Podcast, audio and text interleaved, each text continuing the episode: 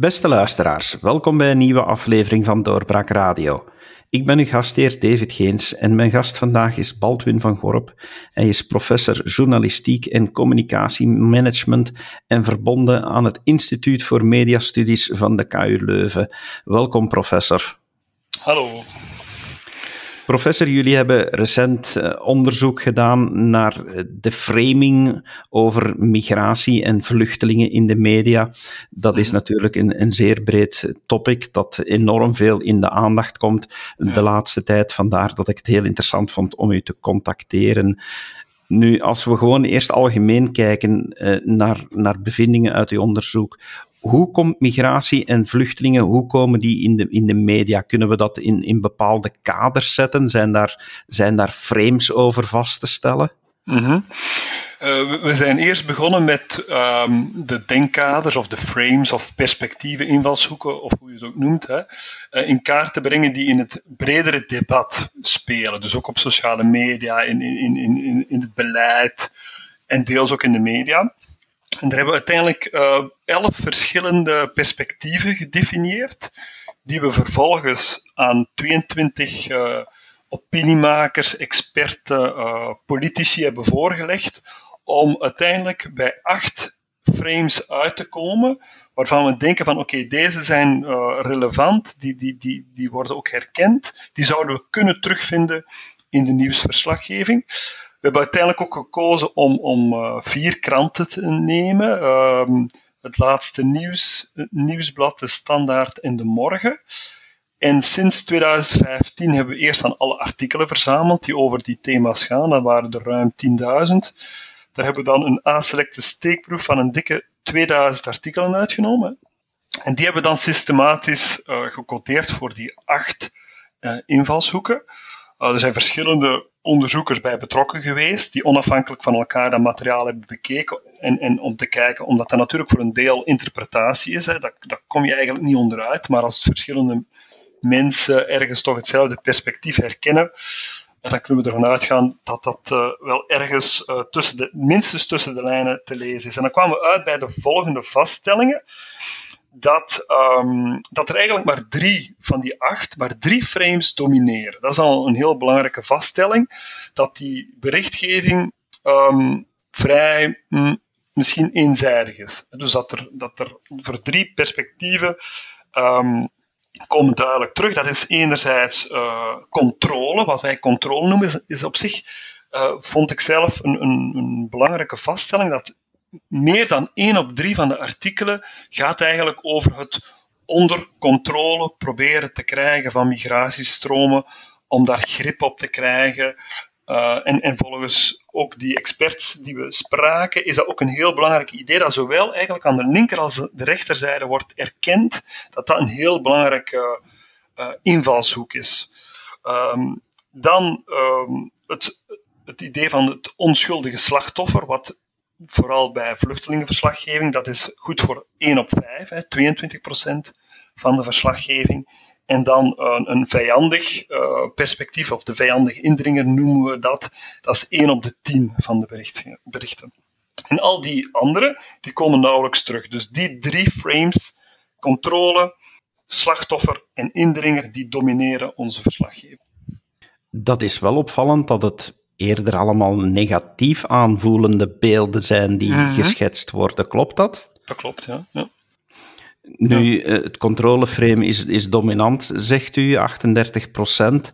Uh, is dat omdat het frame, wordt, wordt die framing, wordt die beheerd van, van zijn dat bepaalde uh, mechanismen die dat, dat bewust zo neerzetten? Of is dat de media zelf die daar de keuze voor maakt om, om dat als uh, leidende frame te nemen? Dat, is, dat is een heel goede vraag. Hè? Dat, dat noemt men dan uh, framing via de media, waarbij de, de media als doorgeefluik fungeren, of framing door de media, waarbij media bewust of deels ook onbewust, ik bedoel dan, dat zit ook vervat in mediaroutines en, en dat, dat, dat men eigenlijk zich niet ervan bewust is dat, dat men uh, bepaalde frames uh, vaker hanteert dan andere. Ehm, en, het is een samenspel, want natuurlijk ook de actualiteit, wat er gebeurt uiteindelijk.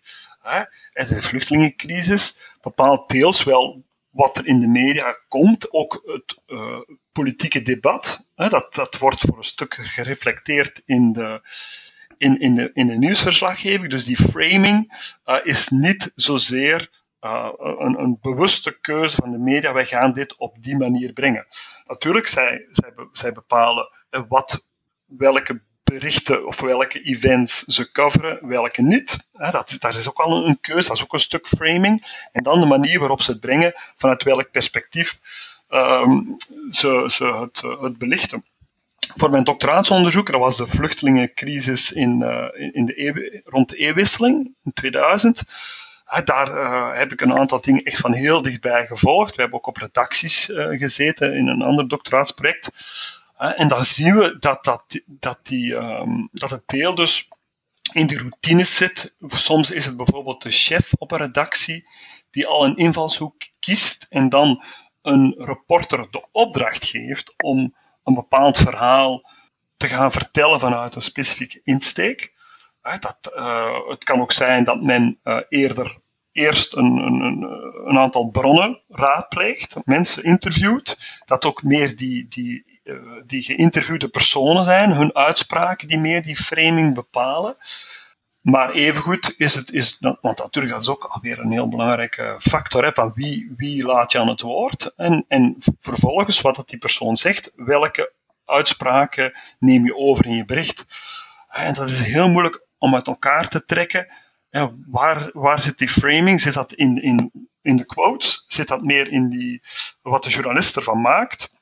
En, en we hebben dat al een aantal keren geprobeerd om dat uit elkaar te trekken op basis van. Maar dat gaat eigenlijk niet, hè, want soms gaat een journalist, wat, ik, wat, wat een geïnterviewde zegt, mee, eh, mee opnemen in de eigen tekst, in, in de eigen. En, en, en parafraseert men of parafraseert men niet?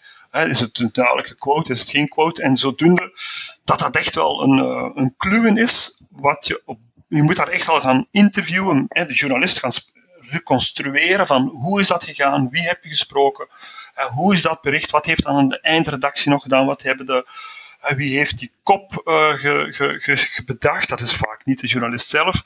dat is een heel, heel complex gegeven en in die cijfers die ik nu geef, loopt dat allemaal door elkaar. Journalisten krijgen nogal heel vaak het etiket opgeplakt dat ze, dat ze eerder links zijn van nature en dat ze dus hmm. ook dan ja, waarschijnlijk pro-migratie zullen zijn. Is het dan niet verrassend dat, dat deze studie vaststelt dat, dat toch die berichtgeving, die framing eerder negatief is? Dat, dat lijkt toch op het eerste zicht een tegenstelling te zijn tussen wat er gezegd mhm. wordt en wat de studie nu vaststelt? Ja, um ik denk dat, dat de gemiddelde journalist inderdaad eerder links progress, iets linkser en progressiever zal denken dan de gemiddelde. dat dat uh, hebben studies ook aangetoond. Maar wat we bijvoorbeeld in een andere studie hebben gezien, dat ging over mondiale armoede. Toen hebben we journalisten, was wel in Nederland, in Nederlandse journalisten die over dat onderwerp schreven, die hebben uitgebreid uh, bevraagd over hun, attitudes en zo verder ten aanzien van armoede. En dan hebben we van die specifieke journalisten een hele verslaggeving beginnen uit te plaatsen, daar die framing zo goed mogelijk van proberen vast te stellen. En daar hebben we ook gezien dat dat niet correleert. Dus je hebt soms wel de indruk van, hey, hier komt de mening of, of de visie, de persoonlijke visie van een journalist uh, naar voren. En sommige journalisten slagen daar beter in dan anderen om dat, uh, buiten het blikveld te houden. Maar dat correleert dus veel minder dan je zou denken. En dat komt natuurlijk ook wel door, door, uh, door personen die aan het woord laten. als je in een interview, wat, die, wat die persoon zegt, dat, dat bepaalt veel meer de framing uh, of wat je meeneemt als, als, als lezer of als kijker dan, wat, dan de vragen van de journalisten. Hè. Uh, dus inderdaad, uh, journalisten uh, maken, schrijven berichten, brengen nieuws dat vaak vanuit een heel ander perspectief gebracht is dan, dan wat ze er misschien zelf over denken en vinden. En dat is, ik denk ook een van de basistaken van een journalist. uh, om, om, om, de eigen, om daar een zekere neutraliteit te bewaren in de eigen mening en niet voortdurend uh, naar voren te laten komen. En ik, ik heb het gevoel, hè, maar ik kijk er misschien anders naar dan iemand anders, dus een stuk interpretatie ook, dat heel veel journalisten, dat je niet zomaar kunt zeggen van ja, dat is duidelijk iemand die voor of tegen of neutraal of uh, is. Hè. Ja, dat is goede journalistiek, denk ik dan dat zou men inderdaad moeten verwachten, dat uh, journalisten uh, toch, uh, toch ook verschillende meningen aan het woord laten. Dat is alleszins bij doorbraak altijd de bedoeling. Mm wat dat ik me dan afvraag is van, zijn er op die manier ook verschillen te zien tussen de verschillende kranten die je onderzocht hebt? Zijn er kranten die bewust redactioneel het ene pad kiezen en andere een, een ander pad? Of ligt dat toch, is, is het algemeen die vaststelling dat er eerder negatieve framing is omtrent vluchtelingen en migratie over alle kranten heen? Um, nu, in welke mate dat dat, dat bewust gebeurt, dat, dat blijft een moeilijke. Hè? Uh, maar je ziet wel verschillen. Um, de Standaard en de Morgen berichten meer over die thema's. Uh, zij brengen ook langere stukken. Zij brengen ook meer interviews. En onder meer door, door interviews te brengen waarbij je automatisch verschillende invalshoeken gaat belichten vanuit je vraagstelling, zie je ook een, een, een ruimer palet aan frames in de, in de morgen en in de standaard dan in het nieuwsblad en het uh, laatste nieuws. Hè. Maar dat heeft ook te maken met, met langere stukken. Dat is ook hè, langere stukken en meer interviews. Dus voor een deel is het de, de hoe dat een, een, eh, een krant is opgebouwd en opgevat, bepaalt al een deel hoeveel frames of invalshoeken je, je terugvindt. Uh, maar voor al die kranten uh, vinden wij dat er een deel, dat het eigenlijk beperkt is, het vaatje waaruit ze tappen. Hè. Dus, en, en, en wordt er eigenlijk een deel potentieel aan alternatieve invalshoeken wordt niet echt uh, benut of komt weinig aan bod. Um, en in uh, mijn onderzoek voor mijn proefschrift bleek, heb ik Franstalige en uh, Nederlandstalige kranten vergeleken. En was het zo dat de meeste Vlaamse kranten die, die frames, ik bedoel dan problematiseren, deproblematiseren, dus dat positief en negatief vrij eh, in evenwicht is, uh, met uitzondering van de morgen, die toen um, meer, meer die positievere frames brachten. Uh, en dat gold toen ook voor de Franstalige pers, maar die zitten nu niet in dit onderzoek. Maar, maar je ziet wel verschillen tussen de, wat men dan vaak de populaire kranten noemt en de kwaliteitskranten, Franstalig, Nederlandstalig, voor een stuk die, die politieke ideologische strekking vanuit het verleden. Dat je, je, je voelt dat wel in, in, als je de morgen leest, dat is eh, veel eh, meer vanuit een progressief eh, standpunt gebracht dan, dan andere kranten. Hè. Dat, dat voel je wel. Ja. U had het over die alternatieve invalshoeken uh, die, die ergens, ergens gemist worden. Ja. Uh, welke invalshoeken zijn dat dan? Wat zijn die alternatieven? Um, we hebben onder meer um, het idee van we zijn allemaal mensen. Ja, we, uh, kleur doet er dan niet toe, of etnische afkomst. We zijn allemaal mensen. De idee van win-win, van we hebben bij migratie allebei te winnen. Uh, dat bedoelen we mee, uh, ja, mensen uh, van nature is eigenlijk een migrant, hè, zal zich altijd verplaatsen als historisch. Dat, dat, dat, dus migratie is niet uitzonderlijk, is niet zozeer een crisis, maar is eigenlijk de gewone gang van zaken en daardoor ga je dan normaliseren. De kloof verwijst naar, naar een, een mondiaal perspectief, hè, vanuit het idee van hij heeft België Vlaanderen, eh, onze, onze, onze, onze status, eh, hebben dat volledig en enkel aan ons alleen te danken? Of komt dat net omdat we betrokken zijn op de wereld? Ik bedoel bijvoorbeeld, hè, we, we staan bekend voor onze chocolade, en maar voorlopig zijn er geen cacaobonen, die moeten van ergens anders komen. Hè. We, we, we halen grondstoffen van ergens anders. We, we, productie wordt uitbesteed aan, aan uh, andere landen. Dus ik bedoel daarmee, een deel van onze welvaart komt net door die betrokkenheid op andere landen, op de rest van de wereld. En is die kloof tussen arm en rijk niet, niet een deel uh, vergroot en, en zorgt dat niet voor migratie? En, en dat is opnieuw een, een, ander, een bepaalde kijk die verwijst naar ja, een, een deel uh, normaliseren. Of het, is, migratie is, is iets dat we mogelijk als westers land zelf uh, in gang zetten en in gang houden. Hè. Dus het, het, kunnen stopzetten is daardoor naïef. Nu, die alternatieve perspectieven, hè, wij, wij hebben die proberen te, te construeren of te reconstrueren en ook aan die experts voorgelegd. Hè. Dat het ging van extreem rechts naar links, hè, neutraal, uh, journalisten, wetenschappers enzovoort. En ons viel wel op dat die meeste experten die zeiden van dat er een zekere, vaak een zekere naïviteit uitklonk uit die we zijn allemaal mensen en diversiteit, of wolligheid, of, of uh, voorbijgaand aan de, aan de realiteit. Hè. Uh, en dat viel ons op dat we met andere woorden daar niet misschien de, de, de, de, de, beste of, of de meest bruikbare perspectieven hebben gedefinieerd. Uh, en dat kan ook deels verklaren waarom we die daarom zo weinig terugvinden in de media. Hè. Maar het, het, is wel een vaststelling dat die idee die ik er net zo een beetje opzonde, dat je dat eigenlijk weinig tegenkomt in de berichtgeving. Uh, dat gaat over enkele percentage, uh, kleine percentages, verwaarloosbaar eigenlijk. Wil dat zeggen dat in de media ook alles te zwart-wit wordt voorgesteld uh, betreffende migratie en vluchtelingen ja. en dat er te weinig plaats is voor nuance? Dat, dat uh, is ook ons idee, dat het uh, je, je, tegen of voor en, en, en eigenlijk die ons standpunt is um, dat, dat het debat te winnen heeft bij enerzijds dus meer frames en, en, en dat mensen verschillende perspectieven uh, in aanraking komen met, met meerdere perspectieven.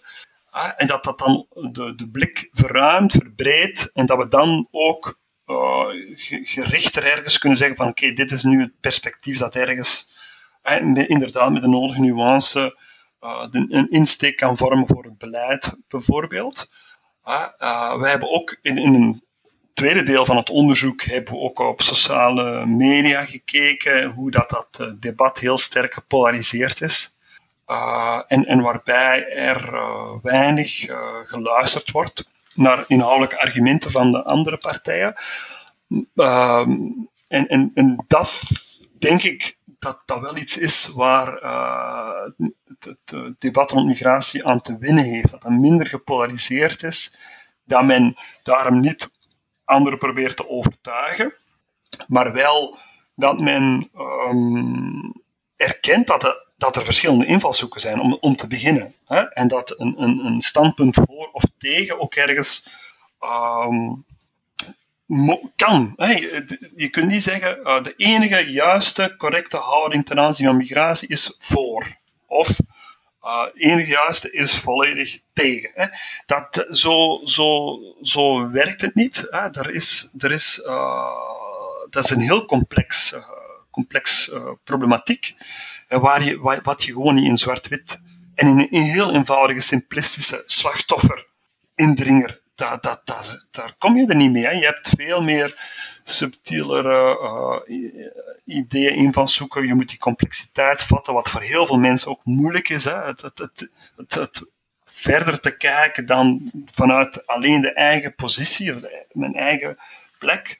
Dat zie je ook met corona nu, dat, dat, dat het toch moeilijk is om, om het ruimer te hè, je kunnen verplaatsen in de schoenen van iemand anders. En dan zien we, ja, oké, als je het zo bekijkt, dan, het is niet mijn mening, hè, ik ben het er niet mee eens, maar ik begrijp wel vanuit uw positie bekeken, zo en zo en zo.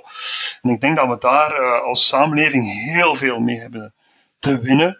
Uh, met, met inderdaad meer nuance en meer begrip voor, voor die verschillende standpunten. Hè. De, de, ehm, de verhitting heeft er ook mee te maken dat een heel aantal mensen zich niet, niet erkend voelen, niet, niet gehoord voelen, gefrustreerd zijn, het gevoel hebben van wat ik ervan denk, uh, ik word buitengesloten. En dat, dat, geldt voor al, alle kanten van het politiek spectrum. Dus dat zijn toch onze grote bezorgdheden en was ook onze uitgangspunt van, van dit onderzoek. Niet zozeer mensen op andere gedachten brengen, geen attitudewijzigingen teweeg brengen, hoeft allemaal niet. gewoon uh, onze blik een beetje verbreden, proberen standpunten van anderen, van tegenstanders, en van, wat, wat jij dan ziet als een tegenstander, onder ergens, ja, ja oké, als, je, als je zo naar kijkt, dan. Hm, dat, dat gaat ook over uh, uh, ergens zich, zich ongemakkelijk voelen, zich niet erkend voelen. Dat, dat, is al, dat zijn belangrijke menselijke emoties die je niet zomaar kunt wegzetten als dom, naïef, onnodig en ga zo maar verder. Ja. Ja, dat is het stuk affectieve polarisatie dat u ook eh, belicht hebt in, in het onderzoek, waarbij, zoals ik het dan toch begrijp, en verbeter mij als ik het fout stel, en waarbij het gaat dat men uh, gewoon iemand in een groep wegzet uh, en, en daardoor uh, de, de argumentatie van, van de ander ook al volledig ja, gevoelsmatig als verkeerd wegzet, omdat -hmm. het net anders is. -hmm ja, die polarisatie, dat lijkt, mij lijkt dat toe te nemen, ook als je zeker ook de sociale media mee uh, in ogenschouw neemt. Wordt dat bevestigd door, door jullie onderzoek? Stijgt, stijgt die, die polarisatie nog altijd, en zeker op de sociale media dan? Dat, kan ik, dat weet ik niet. Dat is ook mijn aanvoelen. Ik deel jouw aanvoelen, maar ik kan dat niet zomaar bevestigen.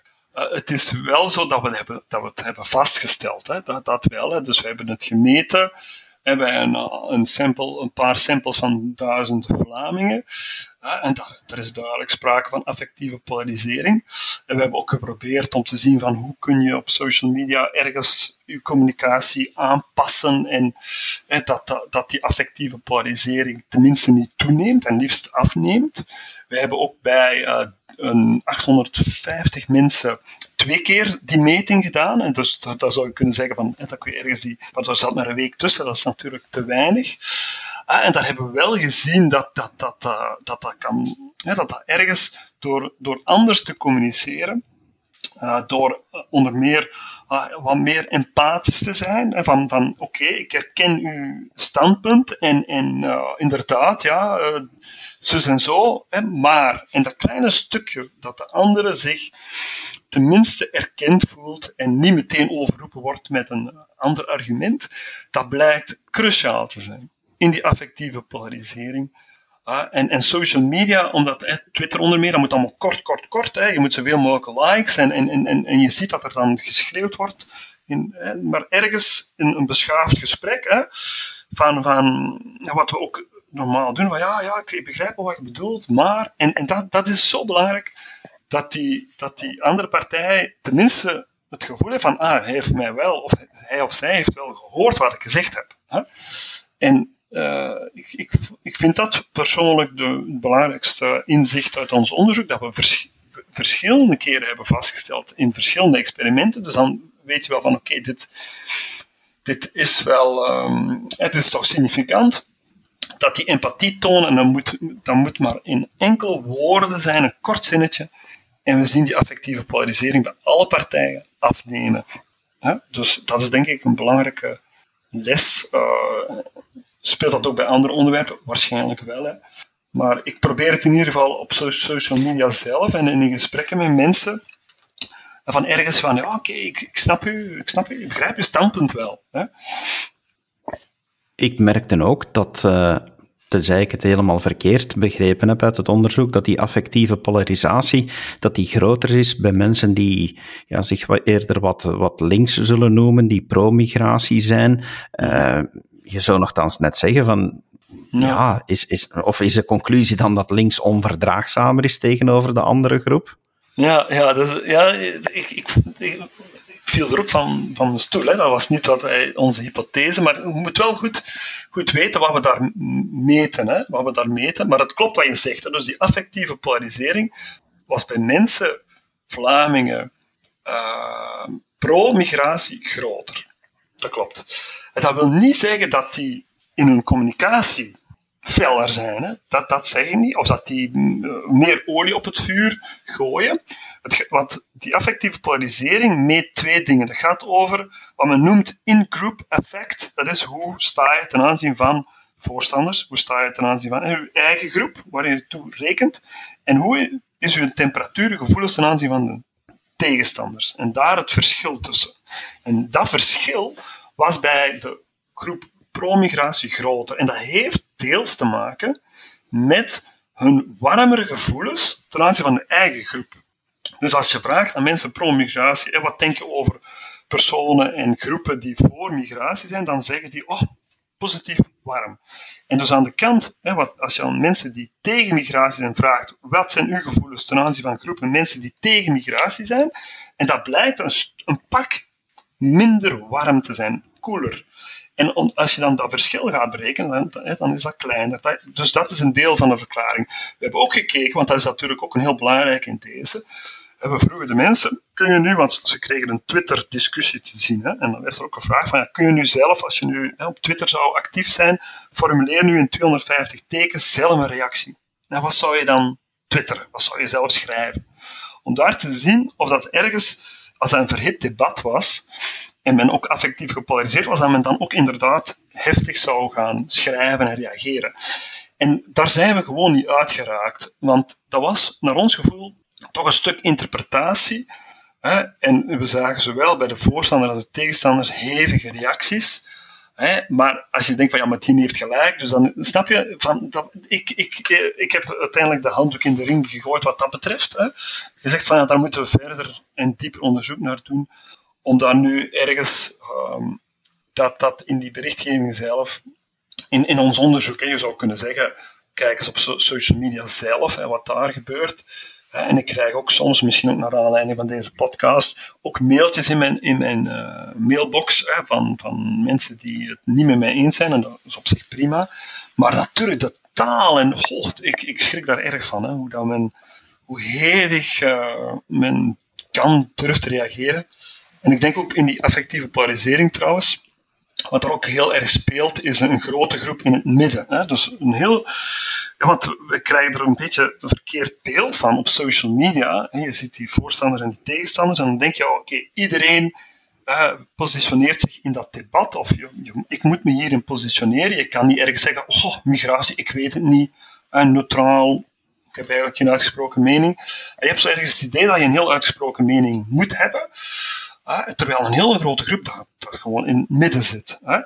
En, en ik zou ook fijn vinden dat die mensen zeggen, goh, dat debat, ik heb daar misschien geen uitgesproken mening over, maar ik heb daar wel een mening over. En ik durf die ook uiten, met de nodige nuance, want daar is, daar, bij die groep zit natuurlijk de nuance, zonder dat ze ofwel langs links of langs rechts uh, meteen worden aangepakt en weggezet als racist of uh, dit of dat. En dat, dat zou uh, als conclusie van ons onderzoek ook, ook goed zijn dat, dat die mensen, wat men de movable middle noemt, dat die ergens zich terug uh, aangesproken voelen en, en, en durven participeren in dat debat. En dat is ook een manier om dat debat terug, uh, terug, terug inhoudelijk te gaan, te gaan voeden en ook om daar meer nuance in te krijgen. Dus ik onthoud ook dat uh, wij als media een belangrijke taak hebben. Uh, dat, uh, ja, dat een van de voornaamste conclusies is die, die jullie meegeven, is van wees bewust hiervan, durf ook meer nuance brengen, laat die middengroep meer aan het woord. Maar -hmm. ik las ook, en, en dat misschien als laatste, dat de aanbeveling was om voor de media om de, de betrokkenen, de migranten zelf meer aan het woord te laten. Ja. Klopt, hè? Ja, dat is al dat is een oud zeer. Hè, dat we merken dat, dat, eh, maar dat geldt niet alleen voor dit thema, voor heel veel maatschappelijke thema's, dat de directe betrokkenen uh, weinig aan het woord worden gelaten. Zelf kunnen getuigen vanuit hun eigen leefwereld. En dat viel in deze ook op. Voor alle media geldt dat zij mensen met migratieachtergrond, vluchtelingen, uh, weinig aan het woord laten. Ja, het geldt ook. Ik weet, we hebben onderzoek gedaan naar armoede, daar geldt dat ook voor. Hè? Mensen die arm zijn. En gaan ze maar verder, mensen met psychische aandoeningen, als het over die thema's gaat, wordt heel veel over hen gesproken en weinig vanuit hun, hun eigen, van van hun, van, vanuit hunzelf. Uh, ja, dat, dat hebben wij vastgesteld. Dat is ook, ook niet zo eenvoudig.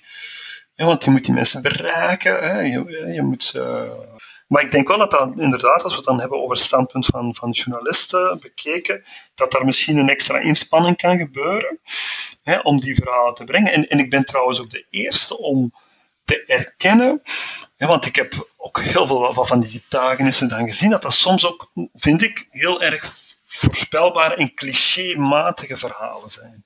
En ik mis ook soms nuance in, in, in, die, uh, in die getuigenissen, in die verhalen, het zijn eigenlijk vooral mensen die ergens in, in een bepaald eh, denkkader passen en die erop bijna op gecast worden van ah, jij kunt mijn verhaal bevestigen, dus ik ga u laten getuigen. Terwijl, denk ik, als, als daar ook, ook meer nuance blijkt en beweegredenen en verhalen en, en dat dat ook erg uh, zou kunnen bijdragen om die nuances uh, te zien.